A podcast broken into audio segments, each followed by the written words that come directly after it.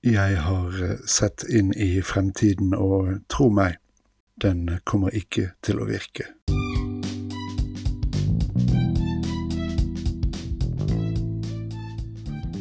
Nå har du rotet deg ordentlig bort, men siden du først er her, dette er Trippel G.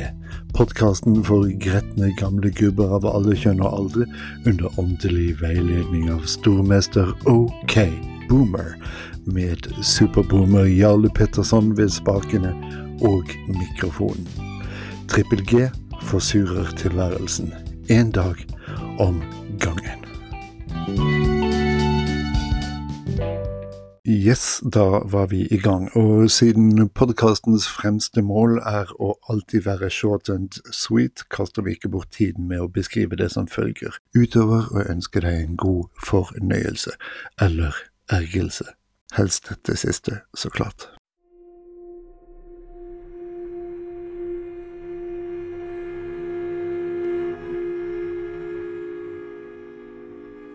Vi står på sidelinjen og ser på, men eh, det er en grunn til at vi vegrer oss for å gripe inn i krigen som legger Ukraina i grus og slakter landets folk og den grunnen er atomvåpen.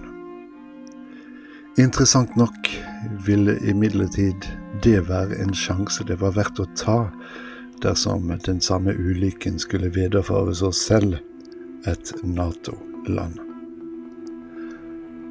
Jeg må medgi at jeg sliter litt med det resonnementet der. Salig Arnulf Øverlands Du må ikke sove rinner umiddelbart i hu. For um, som tingene står, må det vel kunne hevdes at vi tåler inderlig vel den urett som ikke rammer oss selv. Visst sender vi medisiner, klær, mat, hjelmer, splintvester og panservernraketter, men et uh, militært engasjement et slikt som ville ha blitt en alliert til del, kommer altså ikke på tale. Jeg forstår jo hvorfor. Jeg er også redd det hele kan utarte til et kjernefysisk Armageddon. Jeg skjønner bare ikke hvorfor det ikke skulle finnes grunnlag for en slik frykt dersom Ukraina var Nato-medlem, og dermed kvalifisert for kollektiv unnsetning etter Atlanterhavspaktens artikkel 5. Det er jo ikke akkurat sånn at Russland ville reagere mindre på Nato-forsvar av egne medlemmer enn av ikke-medlemmer. Så her står vi, da. Akkurat nå tror jeg de fleste går og kjenner på maktesløsheten over ikke å kunne gjøre det eneste som med noen grad av sikkerhet kunne gjøre slutt på ukrainernes lidelser. Fordi det kanskje kan påføre resten av verden enda større lidelser. Om det var um, Adolf Hitler som satt med et atomvåpenarsenal, skal du bare se vi hadde reagert likedan og bare latt ham gjennomføre prosjektet sitt. Det er en problemstilling som får deg til å tenke virkelig, ikke sant? For å være helt ærlig kan det se ut til at vi ennå har noen runder å gå. Men eh, god tid, det har vi jo ikke.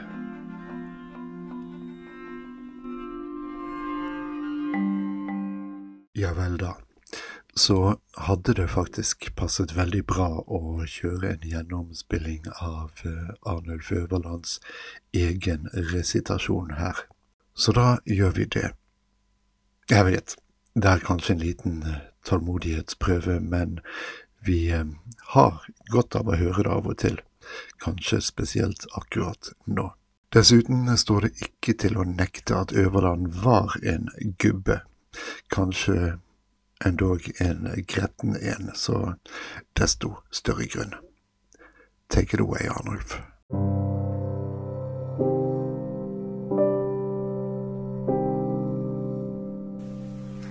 Jeg sendte ut et varselsrop i 1936. Du må ikke sove. Jeg våknet en natt av en underlig drøm. Det var som en stemme talte til meg, fjern som en underjordisk strøm. Og jeg reiste meg opp. Hva er det du vil meg? Du må ikke sove. Du må ikke sove. Du må ikke tro at du bare har drømt. I går ble jeg dømt. I natt har de reist skafottet i gården. De henter meg klokken fem i morgen. Hele kjelleren her er full, og alle kaserner har kjeller ved kjeller. Vi ligger og venter i stenkolde celler. Vi ligger og råtner i mørke hull. Vi vet ikke selv hva vi ligger og venter, og hvem der kan bli den neste de henter. Vi stønner, vi skriker, men kan dere høre, kan dere absolutt ingenting gjøre. Ingen får se oss. Ingen får vite hva der skal skje oss. Enda mer, ingen kan tro hva her daglig skjer. Du mener det kan ikke være sant. Så onde kan ikke mennesker være. Der fins da vel skikkelig folk iblant. Bror, du har ennå meget å lære. Man sa du skal gi ditt liv om det kreves, og nu har vi gitt dem. Forgjeves, forgjeves. Verden har glemt oss. Vi er bedratt. Du må ikke sove mer i natt. Du må ikke gå til ditt kjøpmannskap og tenke på hva der gir vinning og tap. Du må ikke skylde på aker og fe og at du har mer enn nok med det. Du må ikke sitte trygt i ditt hjem og si det er sørgelig, stakkars dem. Du må ikke tåle så inderlig vel den urett som ikke rammer deg selv. Jeg roper med siste pust av min stemme. Du har ikke lov til å gå der og glemme. Tilgi dem ikke, de vet hva de gjør. De puster på hatets og ondskapens glør. De liker å drepe, de frydes ved jammer. De ønsker å se vår verden i flammer. De ønsker å drukne oss alle i blod. Tror du det ikke? Du vet det jo. Du vet jo at skolebarn er soldater som stimer med sang over torv og gater, og oppglødd av mødrenes fromme svig vil verge sitt land og vil gå i krig. Du kjenner det nedrige folkebedrag med heltemot og med tro og ære. Du vet at en helt det vil barnet være. Du vet han vil vifte med sabel og flagg. Og så skal han ut i en skur av stål og henge igjen i en piggtrådsbase og råtne for Hitlers ariske rase. Du vet det er menneskets mening og mål. Jeg skjønte det ikke. Nå er det for sent. Min dom er rettferdig. Min straff er fortjent. Jeg trodde på fremgang. Jeg trodde på fred, på arbeid, på samhold, på kjærlighet. Men den som ikke vil dø i en flokk, får prøve alene på bøddelens blokk. Jeg roper i mørket.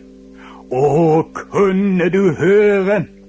Der er en eneste ting å gjøre. Verg deg mens du har frie hender. Frels dine barn. Europa brenner. Jeg skaket av frost. Jeg fikk på meg klær. Ute var glitrende stjernevær. Bare en ulmende stripe i øst varslet det samme som drømmens røst. Dagen bakenom jordens rand steg med et skjær av blod og brann. Steg med en angst så åndeløs at det var som om selve stjernene frøs. Jeg tenkte, nå er det noe som hender. Vår tid er forbi. Europa brenner.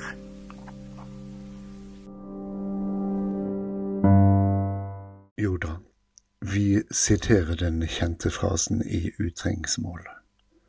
Du må ikke tåle så inderlig vel den urett som ikke rammer deg selv. Faen, jeg har gjort det selv, men aldri passet det vel bedre. Faktisk ikke siden siste verdenskrig.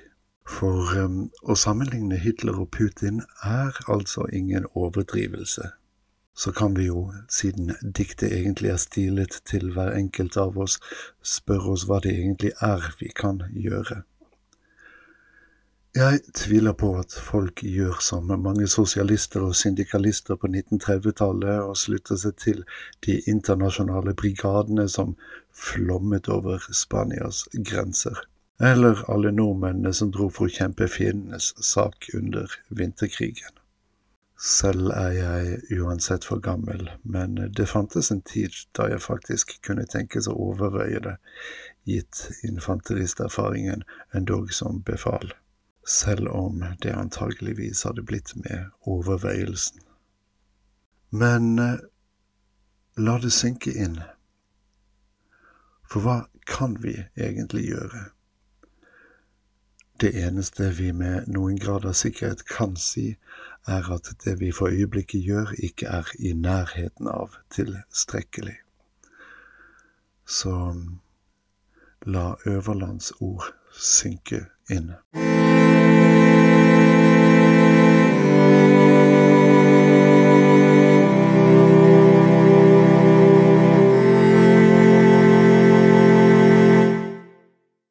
Så da kjører vi en ny bolk med televiserte forsnakkelser fra folk som sikkert er kompetente til litt av hvert, bortsett fra å uttale seg på TV. Blir det en spillover, kanskje uintendert, kanskje intendert til, la oss si, Polen, eh, så er jo Polen svarer jo på et angrep, og da er jo Polen involvert, et Nato-land. Så her er det jo veldig, veldig vanskelig å kunne si vi bracket out det har vært mindre russisk aktivitet utenfor norskekysten under Nato-øvelsen enn forventet, det sier forsvarssjefen. De trodde det skulle være flere fly og marinebåter. Men eh, det er klart, eh, vi regner med at eh, ukrainerne søker å påføre russerne tap idet de trekker seg ut. og den russiske viceforsvarsministeren Jeg vet, jeg vet. Vi kan jo alle få litt krøll på tunga noen ganger, men det forklarer jo ikke hvordan det har seg at grunnleggende kunnskapsløshet så ofte slipper til i mediene.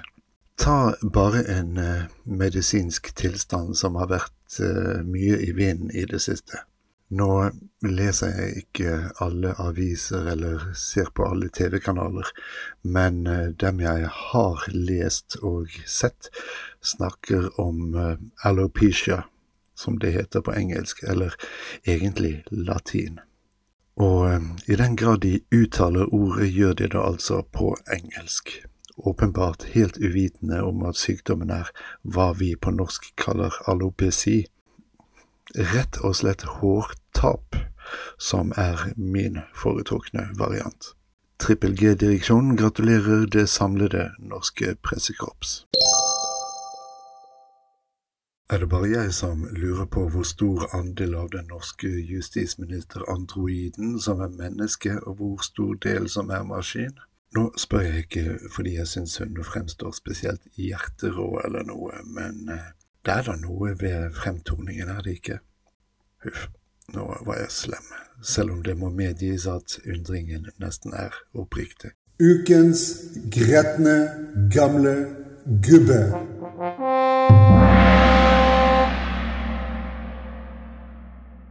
Du trenger vel ikke akkurat å være rakettforsker for å skjønne hvem som blir ugg eller ukens gretne gamle gubbe denne gangen, men jeg får vel bare si det sånn for ordens skyld. Navnet er Will Smith, og årsaken helt opplagt. Bra jobba, Will. Wicka wicka wild wild west. Denne uken ble det klart at britiske styrker kommer til å øke sitt nærvær i nordområdene, som selvfølgelig gjør vår egen forsvarsminister veldig glad. For eh, Storbritannia er ikke lenger EU-medlem, og eh, forsvarsministeren tilhører Senterpartiet. Da får du sånne gledesutbrudd. Men det passer godt inn i det norske forsvarskonseptet. Storbritannia er vår viktigste partner i Europa. Nei, vi må ikke si det. Nei, vi må ta det! Vi må ta hele greia på det! Plutselig blir folk dritsure. Men folk skjønner ikke ironi, vet du. Så.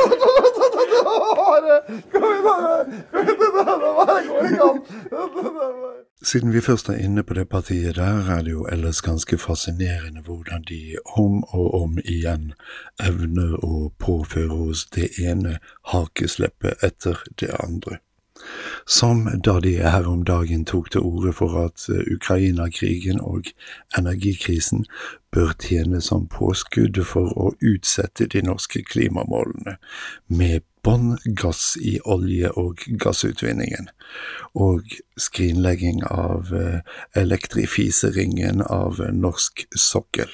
Ikke for det, jeg sliter jo med å begripe hvordan ren energi brukt i utvinningen av skitten energi skulle ha noe som helst for seg. Og at regjeringen ennå ikke har sprukket, det skjønner jeg heller ingenting av, men så har den også bare holdt et halvt års tid, så det er ennå von i hangende snøre.